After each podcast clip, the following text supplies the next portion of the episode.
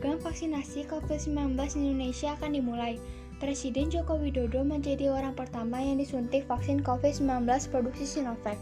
Vaksin Sinovac telah mendapatkan izin penggunaan darurat atau Emergency Use Authorization EUA dari Badan Pengawas Obat dan Makanan BPOM.